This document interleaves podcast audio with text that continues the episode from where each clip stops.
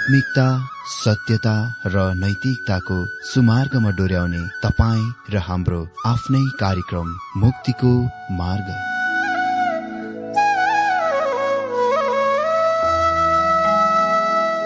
आदरणीय श्रोता यस मुक्तिको मार्ग कार्यक्रममा हार्दिक स्वागत छ। आशा छ यस आत्मिक कार्यक्रमद्वारा जीवनमा आत्मिक आशिष अलौकिक शान्ति र आनन्द प्राप्त गर्नुहुनेछ। र जीवनमा धन्य अनुभव गर्नुहुनेछ। आउनुहोस् श्रोता। मन र आत्माको तयारीको लागि यो मिठो अनि मधुर भजन गीत सुनौ।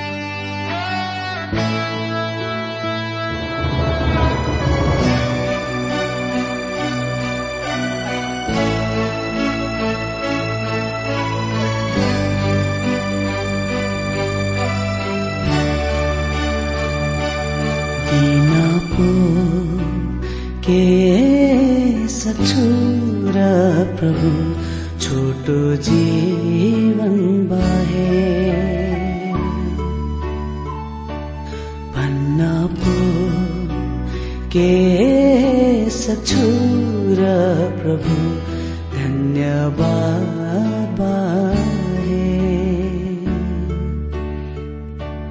বিনা কে সছুরা প্রভু ছোট জীব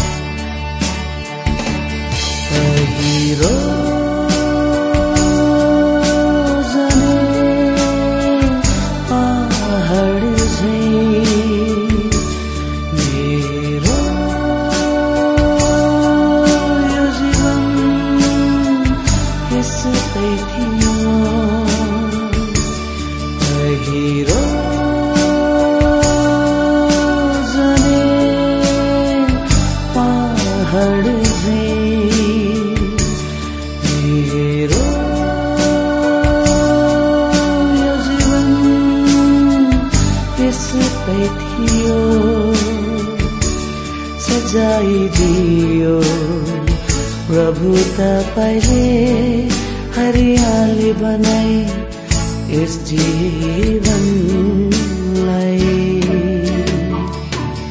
दिन पो के सक्छु र प्रभु छोटो जीवन बाहे। भन्न पो के सक्छु र प्रभु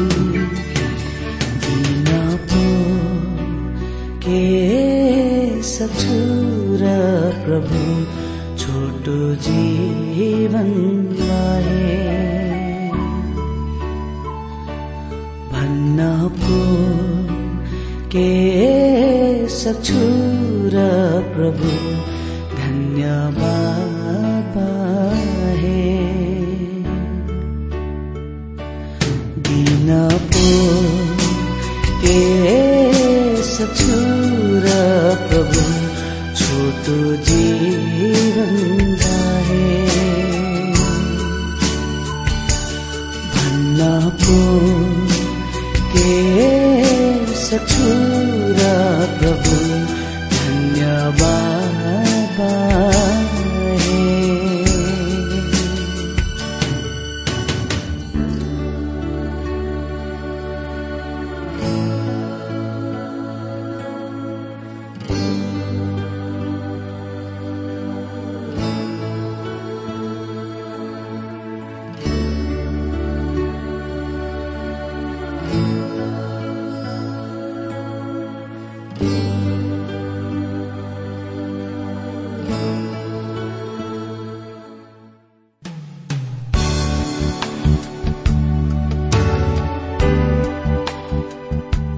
श्रोता यो प्रसारण मार्फत यो अवगत गराउन चाहन्छौ कि प्रभुको सेवाको लागि यहाँहरूको साझेदारी नित्यन्त आवश्यकता छ। यहाँहरूले प्रार्थनाको साथसाथै आर्थिक सहायता गर्न अनुरोध गर्दछौ। तपाईँहरूको सानो भन्दा सानो भेटी किन नहोस्? हामी प्रभुको नाममा स्वीकार गर्नेछौ प्रभुको सेवाको लागि। तपाईँहरूको यो सानो लगानीले कसैको जीवनमा भिन्नता ल्याउँछ अनि प्रभुको महिमा हुन्छ। प्रभु तपाईँहरूलाई महान गरी आशिष दिनुहुनेछ। इच्छुक श्रोताहरूले तपाईँको इच्छा भेटी हाम्रो ठेगानामा पठाउन सक्नुहुन्छ जुन ठेगाना हामी कार्यक्रमको अन्तमा दिनेछौं। प्रिय श्रोता प्रभु येशु ख्रिस्टको मधुर अनि सामर्थ्य नाममा मेरो जयमसी साथै हार्दिक स्वागत छ आजको यो बाइबल अध्ययन कार्यक्रममा। म आशा गर्दछु तपाईँ सबै आज पनि परमेश्वरको वचन अध्ययनको लागि तयारीको साथ आइपुगिसक्नु भएको छ होला। श्रोता म पनि तपाईँहरूसँगै तयारीको साथ आइपुगिसकेको छु। धेरै धन्यवाद तपाईँहरूका सुन्दर पत्र सुन्दर सुझावको लागि। अनि तपाईँहरूका फोन कलको लागि एसएमएसको लागि अनि तपाईँहरूले पठाउनुभएका प्रार्थनाका विषयहरूको लागि। म धेरै नै परमेश्वरलाई धन्यवाद दिन्छु कि तपाईँहरूले हाम्रो कार्यक्रमलाई नियमित सुनिरहनु भएको रहेछ र आत्मिक आशिषहरू प्राप्त गरिरहनु भएको रहेछ। परमेश्वरको वचनको अनुग्रहमा र वचनमा बढ़िरहनु भएको रहेछ। यो सुन्दा धेरै खुशी लाग्छ। र परमेश्वरलाई हृदयदेखि नै धन्यवाद दिन्छु। यही नै वास्तवमा यो हाम्रो बाइबल अध्ययनको कार्यक्रमको लक्ष्य र उद्देश्य हो ताकि हामी परमेश्वरलाई जान्न सकौं परमेश्वरमा बढ़न सकौं र हामी प्रभुको जनको रूपमा एक मण्डलीको रूपमा दरिलो बन्न सकौं। अनि परमेश्वरको राज्यलाई निरन्तर हामीले यस कामद्वारा विस्तार गर्न सकौं। श्रोता आउने दिनहरूमा पनि यसरी नै तपाईँहरूले आफ्नो समय दिनुहुनेछ र आत्मिक रूपमा आशिषित हुनुहुनेछ। अनि श्रोता आफ्ना छिमेकीहरू अनि साथीहरू परिवारहरूलाई पनि यो कार्यक्रम सुन्नमा उत्साहित गर्नुहोला र उहाँहरूलाई पनि पत्रचार गर्न अनि उहाँहरूका कुनै सुझाव सल्लाह कुनै प्रश्नहरू छन् भने हामीलाई लेख्न उत्साह दिनुहोला। हुन्छ श्रोता अब हामी आजको कार्यक्रममा प्रवेश गर्नेछौ। आज हामी बाइबल अध्ययन आमोस एक अध्यायबाट शुरू गर्न गइरहेका छौं। यो आमोस एक अध्यायको मुख्य विषय हो वरिपरि वा आसपासका राष्ट्रहरूमाथि परमेश्वरको दण्ड। मित्र आज हामी खालि आमोस एक अध्यय एकदेखि पाँच पदबाट बाइबल अध्ययन गर्नेछौ। आमोस निर्भीक निडर भविष्यवक्ता थिए जसले परमेश्वरबाट सन्देश दिएथे अर्थात् परमेश्वरको सन्देश दिएथे केवल आमोस जब उत्तरी राज्य इसरायलको बेतेलमा पुगे त्यहाँ मात्र अज्ञात अजान थिएनन् अप्रसिद्ध थिएनन् तर उनी आज पनि अझै अज्ञात अजान र अप्रसिद्ध छन्। मित्र आमोस र होसे समकालिक थिए।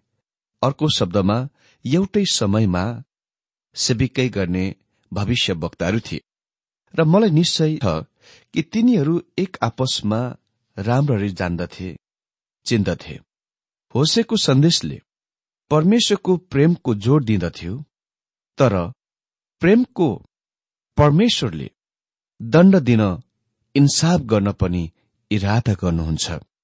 आमसले महान अति उच्च न्याय र परमेश्वरको अटल स्थिर धार्मिकताको बारेमा बोले जुनले उहाँलाई इन्साफ गर्न दण्ड दिन डोर्याउँछ उक्साउँछ प्रेरित गर्दछ। यो कुरा देख्न छक्कै पार्ने कुरा हो कि आमोससँग विश्वदृष्टि विश्वव्यापी धारणा थियो। उसले सबभन्दा पहिले सर्वप्रथम ती राष्ट्रहरूको विरूद्ध बोल्यो जुन इसरायल राष्ट्रको निकटवर्ती र वरपर आसपासका राष्ट्रहरू थिए। उसले त्यस दिनका महान विश्वशक्तिको विरूद्ध बोल्यो। त्यो स्वयंमा कुनै अद्वितीय कुरो होइन। पछिबाटका भविष्य वक्ताहरू यसैया यर्मिया इजिकेल र दानियले पनि यही नै गरे। तर यी अन्य भविष्य वक्ताहरूका विधि वा तरिका सर्वप्रथम पहिले इसरायल राष्ट्रमाथि ईश्वरको परमेश्वरको दण्डको बोल्दथे त्यसपछि अन्य राष्ट्रहरूमाथि परमेश्वरको दण्ड बोल्दथे। आमोसले त्यस विधि वा तरिकाको ठिक उल्टा तरिकामा पेश गर्दछन्।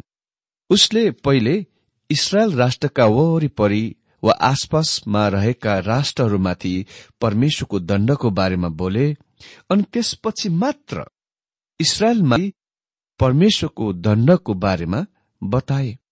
जब आमोसले पहिले बेतेलमा बोले तब उसले यो भने परमेश्वर सिरिया आराम पलिस्तिन फोनिसिया एदोम र अमोन र मोआब र त्यसपछि राजाको गिर्जाघरमा मण्डली घरमा भएका सम्पूर्ण मानिसहरूलाई दण्ड दिन गइरहनु भएको थियो। आमोसले वास्तवमा अति नै ठूलो भीड़हरूका आकर्षण गरिरहेका थिए खिचिरहेका थिए। ती भीड़हरू आमोसले मुवाबीहरूका पापको बारेमा बोलेकोमा अति नै धेरै खुसी थिए। तर आमोसले तिनीहरूका आफ्नै पापहरूको बारेमा बोल्ने कुरामा बताउने कुरामा खुसी थिएनन्। आज पनि त्यहाँ त्यस्ता मानिसहरू छन् जो प्रचारकले पास्टरले मुवाबीहरूका पापको बारे प्रचार गरेको मन पराउँछन् जुन चार हजार वर्ष अघि वा त्योभन्दा अघि गरिएका पापहरू थिए। तर कुनै प्रचार जसले झुण्डका मानिसहरूका आफ्नै पापहरूको बारेमा बोले समस्यामा आलोचनामा र उपहासमा पर्नेछन्।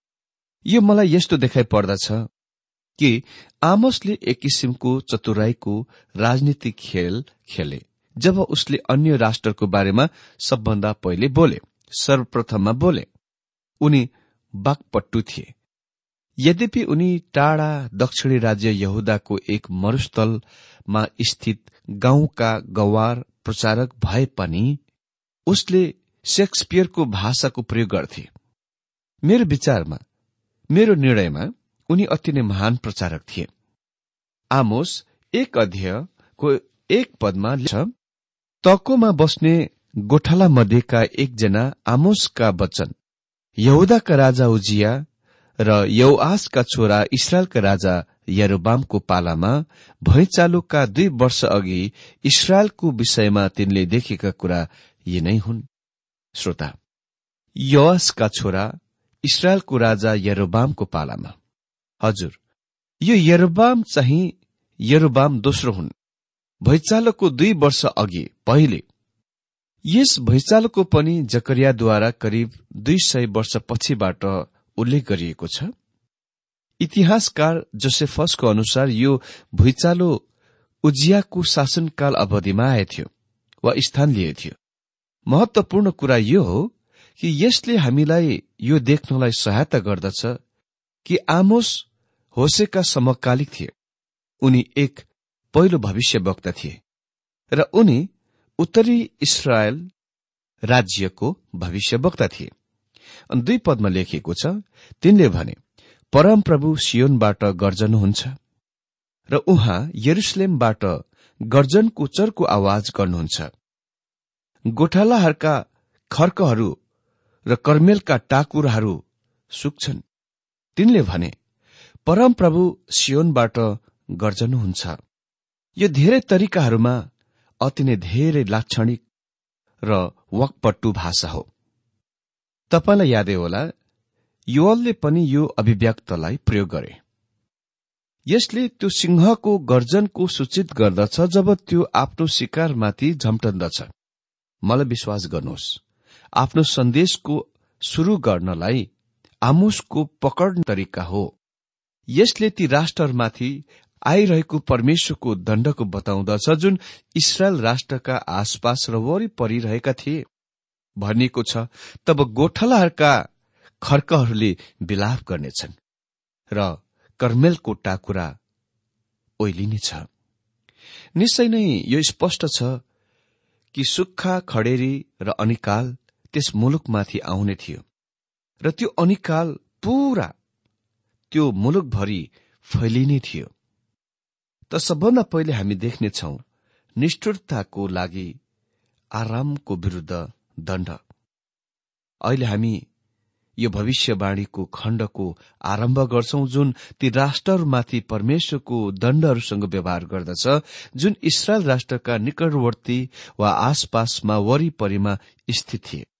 मित्र यस मानिस आमसले हामीलाई विश्व दृष्टि अर्थात विश्वव्यापी दृष्टिकोणको दिन्छ परमेश्वरको वचन पुरानो नियमले पनि यो देखाउँछ कि परमेश्वर खालि इसरायल राष्ट्रको मात्र परमेश्वर हुनुहुन्न उहाँ अन्य जातिहरूका पनि परमेश्वर हुनुहुन्छ।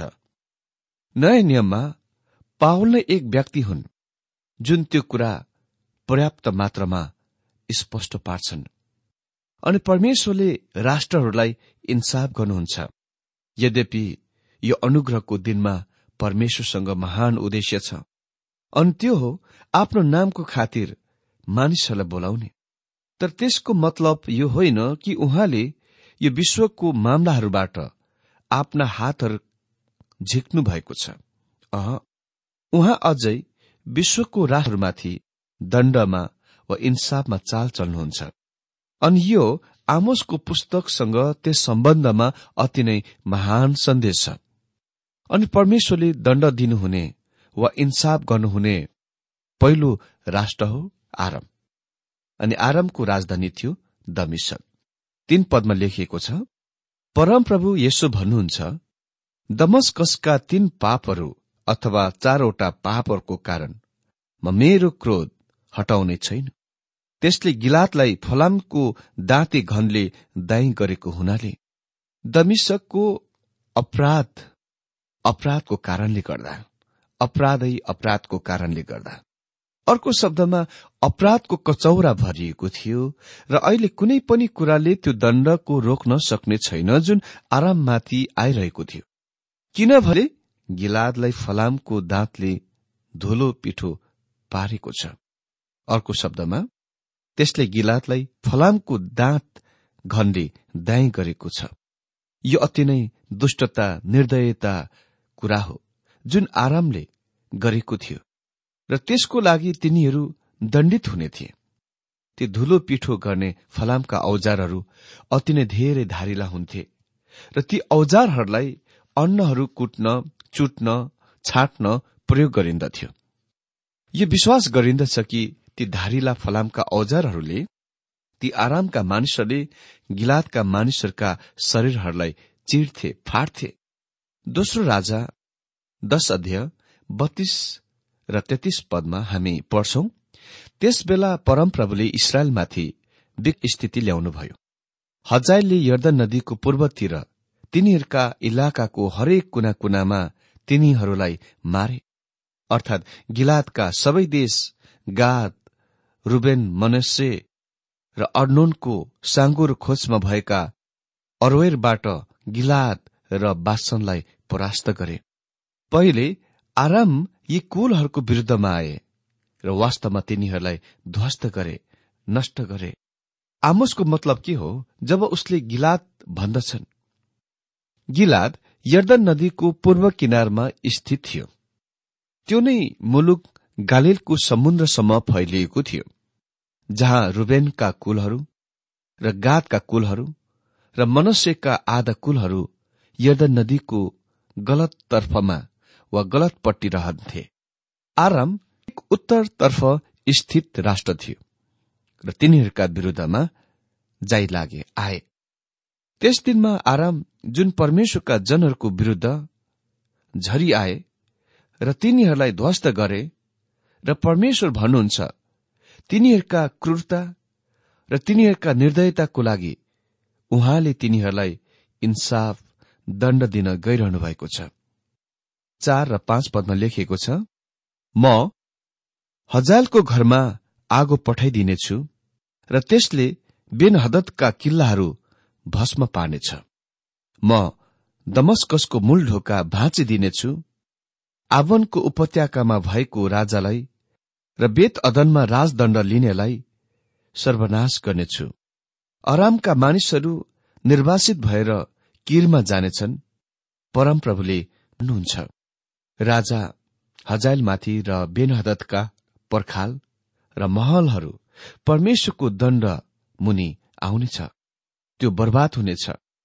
यदि तपाईँ दमिशकमा जानुभए यो थाहा पाउनुहुनेछ कि तपाईँ त्यहाँ सुरुको सहर खास सहर वा त्यसको ओरिजिनल स्थान देख्नुहुन्न। त्यसले अर्थात् दमिशकले संसारमा सबभन्दा पुरानो सहर हुने कुराको दावी गर्दछ तर त्यो सहर धेरैपल्ट र धेरै जग्गाहरूमा यताउता सारिएको छ। त्यसलाई धेरैपल्ट नष्ट गरिएको थियो। अनि यो एउटा समय हो जब त्यसले स्थान लिएथ्यो। आरामका मानिसहरू कैदमा परेर किरमा जानेछन्। किरको मतलब तिनीहरू असुरीहरूद्वारा कैदमा वा बन्दुवामा लगिने थिए। किर असुर साम्राज्यमा एक प्रान्त थियो। यस क्षेत्रको भौगोलिक ज्ञान हुने कुरा समझ हुने कुरा उक्तम हुनेछ किनकि यसले अझ धेरै र राम्ररी यो सबैलाई बुझ्ने योग्य बनाउनेछ। अमित्र परमेश्वरले आजको यो बाइबल अध्ययनद्वारा हामी हरेकलाई धेरै धेरै आशिष दिनुभएको होस्।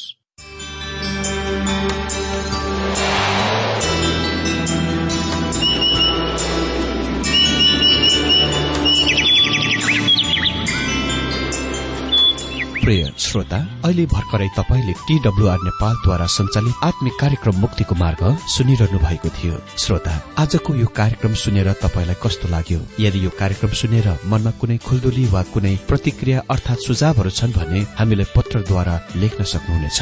हामी हृदयदेखि नै स्वागत गर्नेछौ स्वीकार गर्नेछौ साथै बाइबल सम्बन्धित प्रचारहरू कार्यक्रम सारणीहरू हामी अनुरोधमा पठाउन सक्छौ। अनि तपाईँसँग कुनै प्रार्थनाको विषय छन् भने हामीले तपाईँको लागि प्रार्थना गरेको चाहनुहुन्छ। हुनुहुन्छ भने प्रभुमा आफ्नै परिवार सम्झेर हामीलाई पत्रमा लेख्न सक्नुहुनेछ। तपाईँको लागि हामी प्रभु येशुसँग प्रार्थना गर्नेछौ। अधिक जानकारी र पत्रचारको लागि हाम्रो ठेगाना यस प्रकार छ। कार्यक्रम मुक्तिको मार्ग जीपीओ नम्बर उनानब्बे पचहत्तर एपीसी पच्चिस एकसठी काठमाडौँ। ठेगाना एकपल्ट सुन्नुहोला। कार्यक्रम मुक्तिको मार्ग जीपीओ नम्बर उनानब्बे पचहत्तर एपीसी पच्चिस एकसठी काठमाडौँ। हाम्रो इमेल एड्रेस हो TWR Nepal at Yahoo dot com. साथै यस नम्बरमा एसएमएस गर्न सक्नुहुनेछ अन्ठानब्बे चार सत्तरी पैतिस छ सय उनासी नौ आठ चार सात जिरो तीन पाँच छ सात नौ। हुन्छ श्रोता आजलाई हामी विदा चाहन्छौ। अर्को कार्यक्रममा हामी पुनः भेट्नेछौ तबसम्मलाई नमस्कार।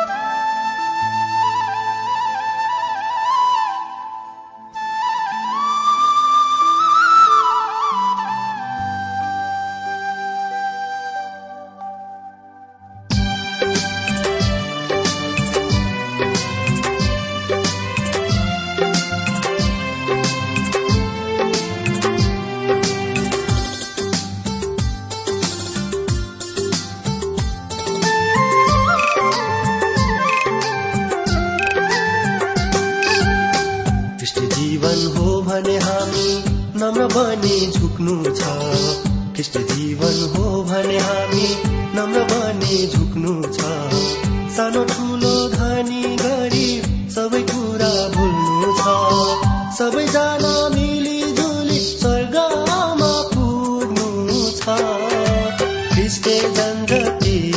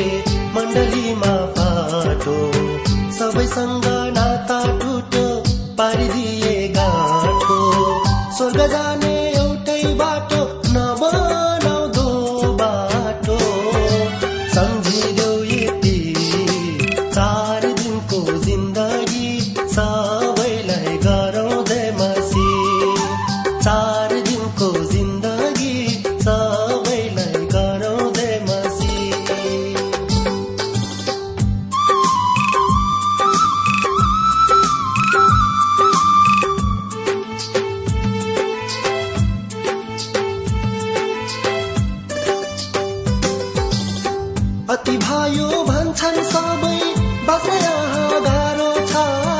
बगेका ती रगत धारा अखमा